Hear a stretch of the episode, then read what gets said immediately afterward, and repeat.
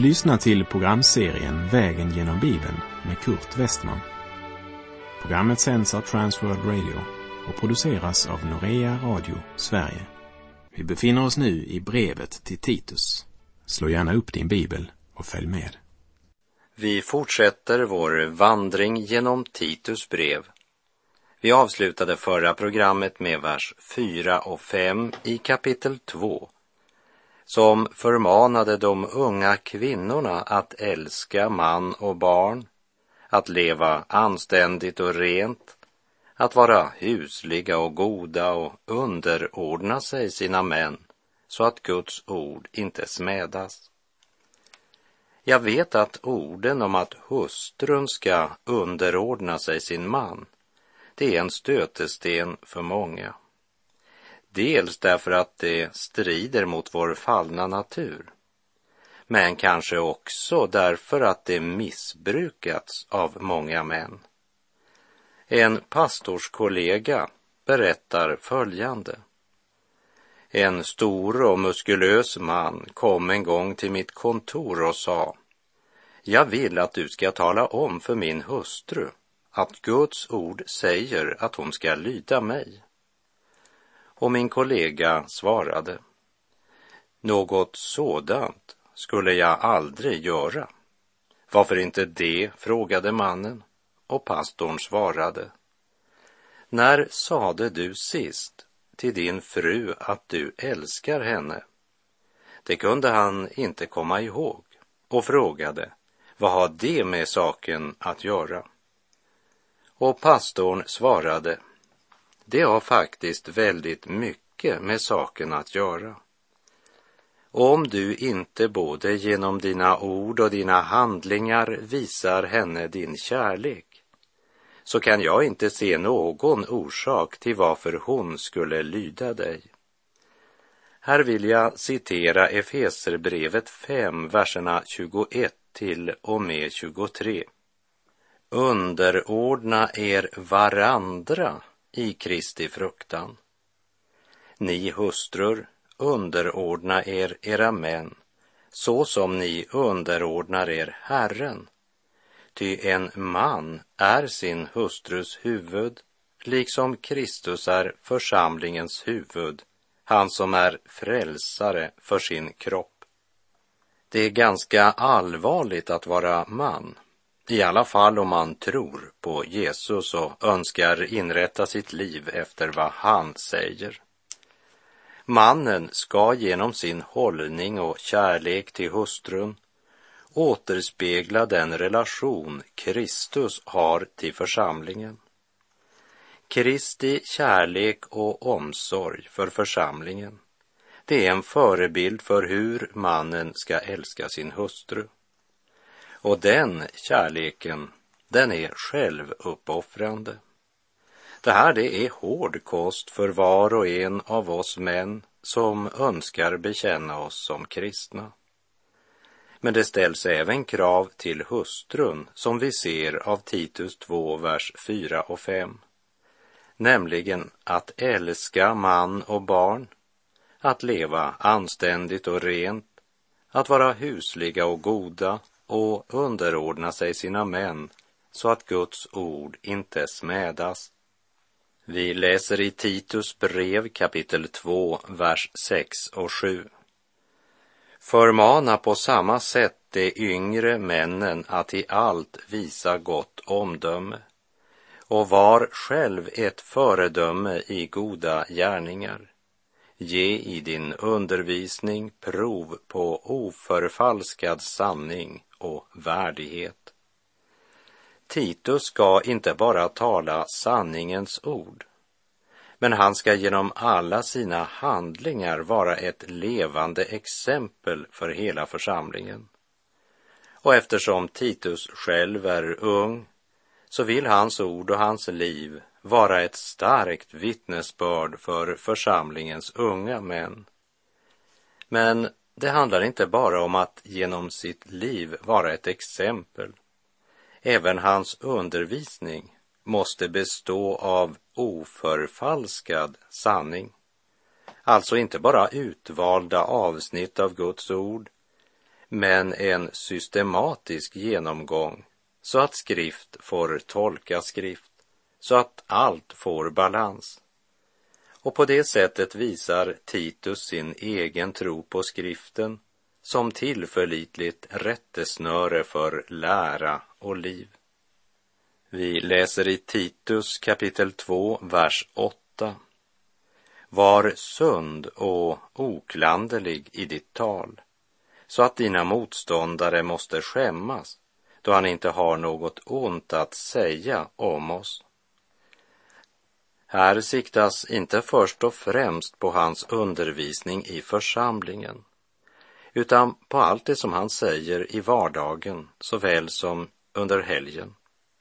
För nyckeln till den kraft som segrar över fienden, den ligger inte i att ha ett imponerande intellekt, men i att vara lydig.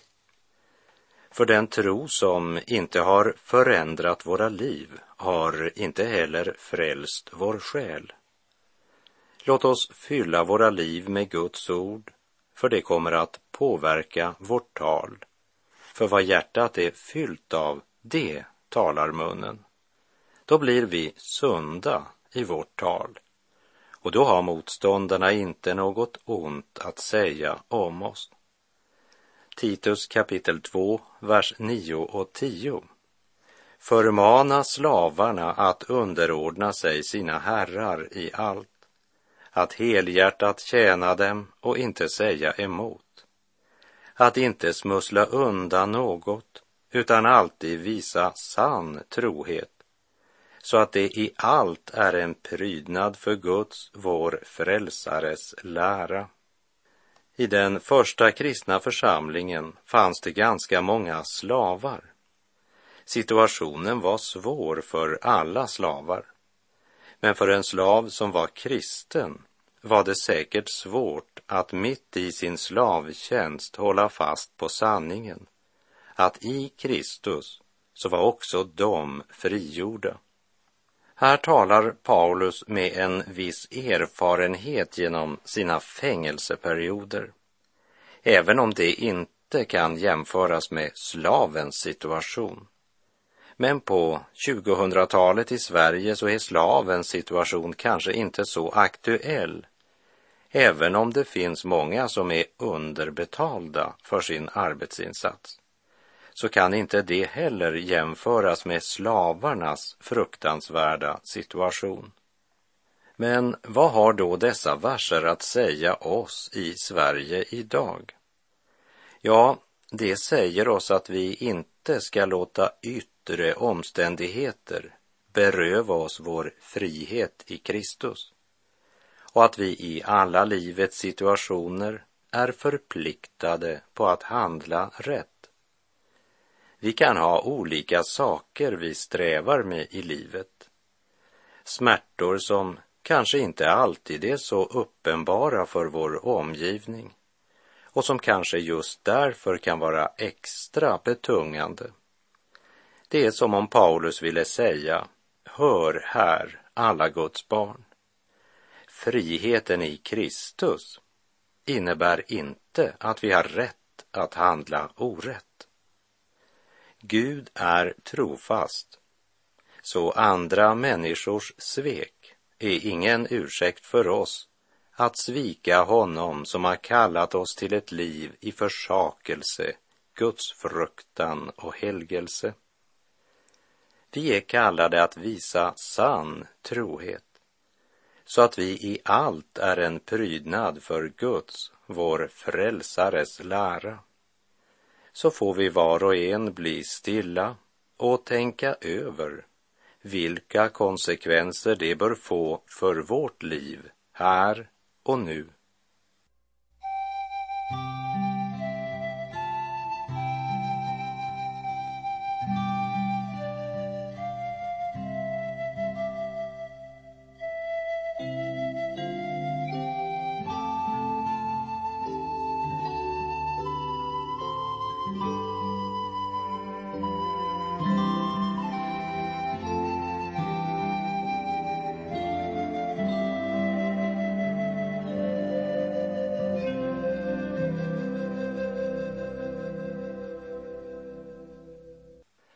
Är alltså som Guds barn kallade att leva vår höga kallelse värdigt.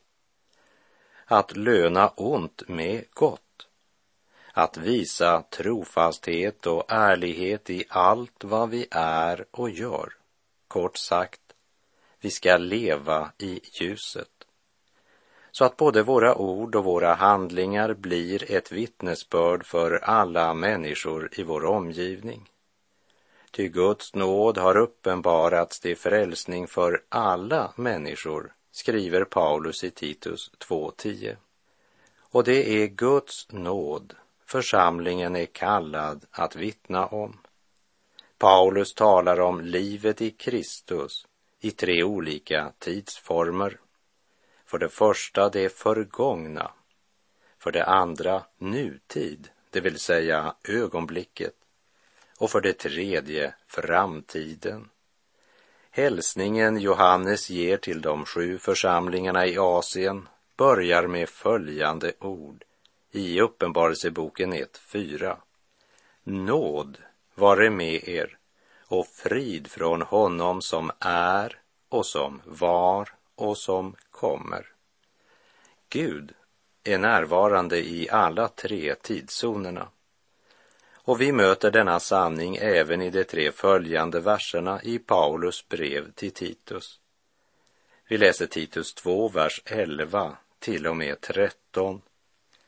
Ty Guds nåd har uppenbarats till frälsning för alla människor den fostrar oss att säga nej till ogudaktighet och världsliga begär och att leva anständigt, rättfärdigt och gudfruktigt i den tid som nu är, medan vi väntar på det saliga hoppet att vår store Gud och frälsare Jesus Kristus skall träda fram i härlighet, har uppenbarats det är förgången tid.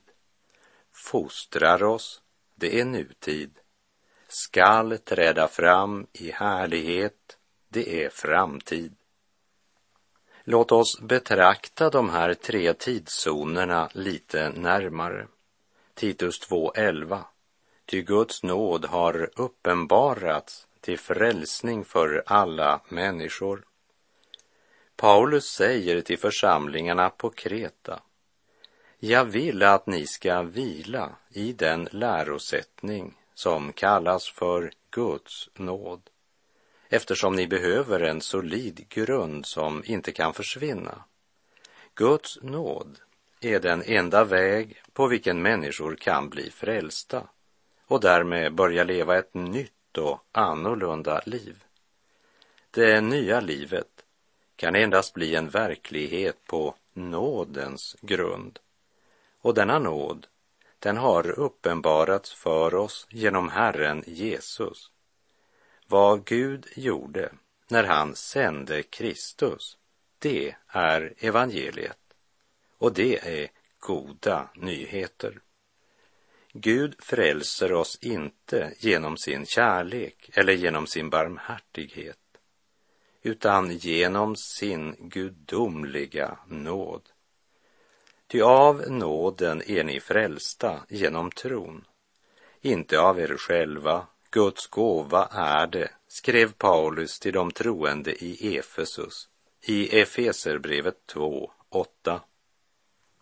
Barmhärtighet talar om Guds omsorg och medlidande.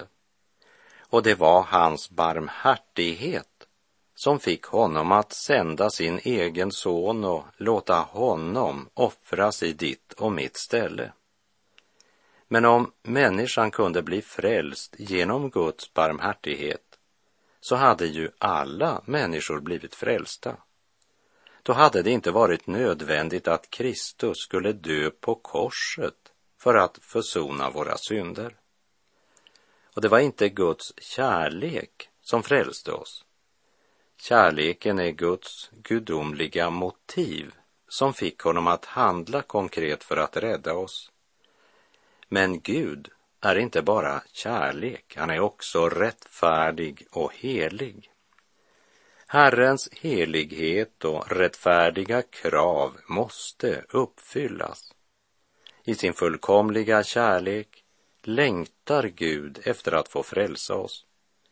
Men Guds rättfärdiga, omutliga krav gör att hans kärlek inte kan frälsa oss. Därför kan han endast frälsa oss av nåd. Det är underbart att vara frälst av nåd. Där vi stod med vår dödsskuld inför Gud tog Jesus vår plats och led straffet för dina och mina synder. Nåden är inte en komplicerad sak sammanblandad med mänskliga kraftansträngningar. När det gäller frälsningsverket så ber inte Gud om att du ska samarbeta med honom. Han ser inte på dina förutsättningar eller karaktärsegenskaper för att kunna frälsa dig. Det enda Gud begär av dig, det är att du ska tro på honom som han har sänt, frälsaren Jesus Kristus. Ta emot Jesus, lita på honom, förtrösta på honom. Guds väg till frälsning är inte bara den bästa vägen, det är den enda vägen. Vi läser Titus 2, vers 12. Den fostrar oss att säga nej till ogudaktighet och världsliga begär och att leva anständigt, rättfärdigt och gudfruktigt i den tid som nu är. Gud försöker inte förbättra den här världen, utan han frälsar var och en som tar emot Kristus. Evangeliet är inte ett budskap som ber människor som inte tagit emot Kristus att försöka leva ett bättre liv. Det har ju varit en del kampanjer där man försökt få folk att sluta röka genom att upplysa hur farligt och skadligt det är att röka. Så gör inte Gud. Gud försöker inte förbättra dig. Han vill förlossa dig. Vers 12 pekar på en speciell sida av Guds nåd, nämligen att den fostrar oss som blivit förlossade genom Guds nåd. Endast den människa som står under nåden kan av hjärtat säga nej till ogudaktighet och världsliga begär. Lagen kan nog få oss att anstränga oss så att vi till det yttre kanske lever anständigt genom att lägga ett lock på de världsliga begären. Men det är inte detsamma som att vi blivit födda på nytt och frälsta av nåd. Den som lever av nåd kan inte leva i synd. Det är syndernas förlåtelse han har fått, inte syndernas tillåtelse. Det är därför den som lever av nåd säger nej till ogudaktighet och till världsliga begär och lever anständigt, rättfärdigt och gudfruktigt i den tid som nu är. Därför att nåden fostrar oss, säger Paulus.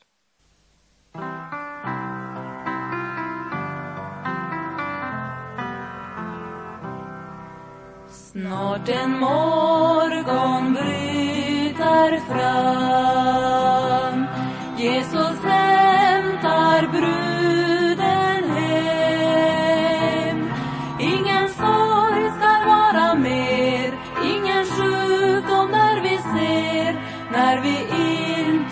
palats Jerusalem.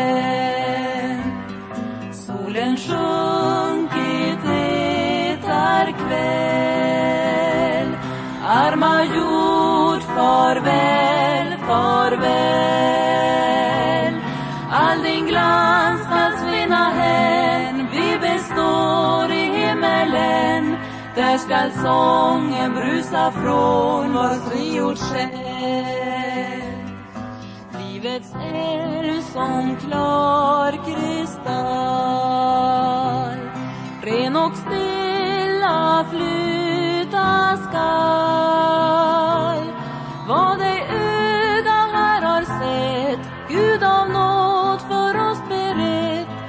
är vi hemma, står med segerpalm i hand. Pruder själv på Jesus se, han som dog för syndare. Han har öppnat livets väg med det sår han fick för dig då han bar din synd och skuld på Golgata.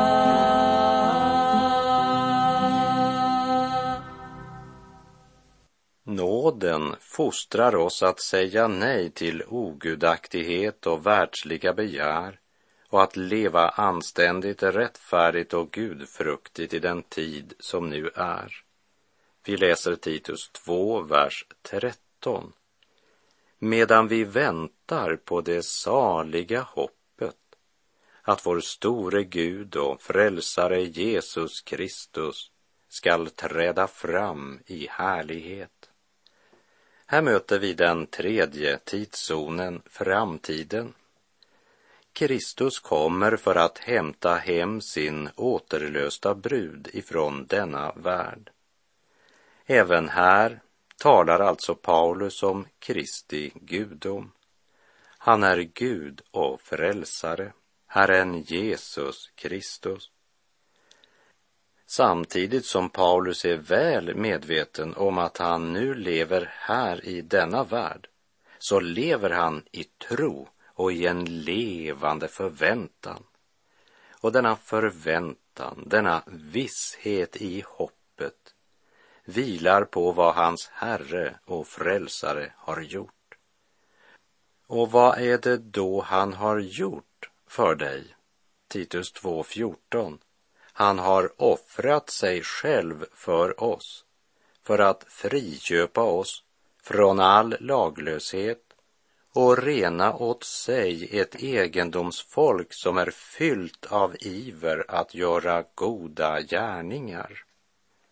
Kristus har betalat ett högt pris för att friköpa oss från all laglöshet, säger Guds ord.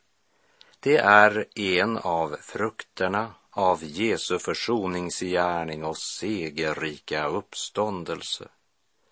Martin Luther har sagt, en död tro är att utan sann omvändelse och bättring tillägna sig tröst av Guds nådelöften. Frälsning av nåd innebär att Kristus vill leva sitt liv i oss. Så ett av kännetecknen på att man lever i nåden, det är att man är full av iver att göra goda gärningar. För nåd betyder alltså inte att man tröstar sig med Guds löften och så förblir som man var. Nåden bär frukt i våra liv om vi fortsätter och lever i den. Nåd är alltså inte bara något vi mottar till frälsning. Nåden, det är något vi fortsätter att leva av och i så länge vi lever och vandrar på denna syndens jord. Nåden fostrar oss och gör den inte det så är det inte nåden vi lever i. Gud vill att du ska leva för honom och han fyller dig med iver att göra goda gärningar om han får lov. Men först vill han förlossa dig. Eljest blir det bara laggärningar. Så är frågan, har du behov av förlossning? Behöver du syndernas förlåtelse? Det är där allting börjar. Och hör nu vad aposteln skriver till församlingsföreståndaren Titus på Kreta angående det vi just nu har talat om. Titus 2, vers 15. Så ska du tala, förmana och tillrättavisa med allt eftertryck. Låt ingen se ner på dig. Paulus påminner Titus att eh, han ska inte låta någon se ner på honom på grund av hans unga ålder. Han ska med frimodighet förkunna nådens budskap och nådens konsekvens, för de hör ihop, som de båda ledningarna på elnätet. Tar du bort den ena, då har du också tagit bort den andra. Varje predikant eller pastor, ung som gammal, borde noggrant studera Paulus brev till Titus. För precis som i alla andra bibelböcker så har Gud även här något att säga oss som lever idag. Och ska vi inte höra på Gud, vem ska vi då höra på?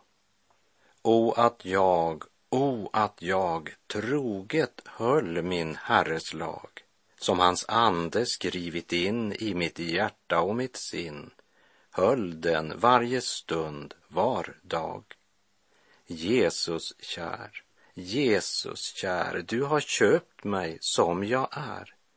Bliv du själv min helgelse. Hjälp mig, Herre, kraft mig ge, leva så som ordet lär. Kärlek giv, kärlek giv, målet för min kärlek bliv att dig älska överallt, nästan och som du befallt, vare målet för mitt liv. Låt din frid, låt din frid bo i hjärtat all min tid, så som du den Jesus ger, låt den växa mer och mer under livets kamp och strid. Men jag ser, men jag ser hjärtats ondska mer och mer. Det behövs förlåtelse, även för min helgelse. Ringa frukt min tro ju ger. Hjälp du mig, hjälp du mig, Jesus, leva mer för dig. Två mig i ditt dyra blod. Giv på nytt mig kraft och mod Håll mig, Jesus, tätt vid dig. Och med det så är vår tid ute för den här gången. Sök Herren medan han låter sig finnas. Åkalla honom medan han är nära. Och säg till Herren, döm mitt hjärta här i tiden innan världen döms av dig och när tiden är förliden i ditt domslut fria mig. Herren vare med dig. Må hans välsignelse vila över dig. Gud är god.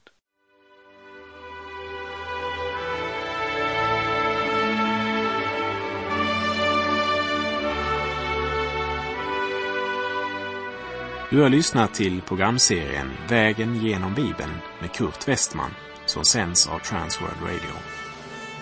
Programserien är producerad av Norea Radio Sverige. Om du önskar mer information om vårt radiomissionsarbete så skriv till Norea Radio Sverige, box 3419 103 68 Stockholm. Adressen är alltså Norea Radio Sverige box 3419. Postnumret 10368 Stockholm.